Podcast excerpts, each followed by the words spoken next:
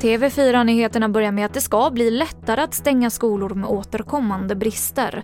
Enligt ett nytt förslag som utbildningsminister Anna Ekström presenterade idag så får Skolinspektionen större möjlighet att stänga skolor med allvarliga missförhållanden. Enbart seriösa aktörer ska ha möjlighet att driva skola i Sverige och de som driver skola ska göra det med hög kvalitet. Med ett slitet uttryck så ska alla skolor vara bra skolor.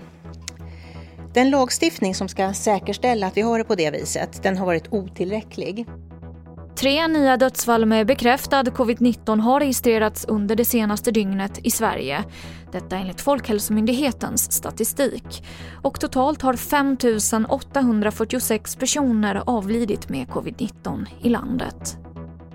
Till sist kan jag berätta att efter att flera får attackerats av varg i Skåne så har nu bönderna fått nog. Lantbrukarnas riksförbund har ansökt om skyddsjakt och nu ger Länsstyrelsen grönt ljus. Beslutet gäller till 18 september i ett begränsat område runt Osby i norra Skåne. Och det var det senaste från TV4 Nyheterna. Jag heter Emily Olsson.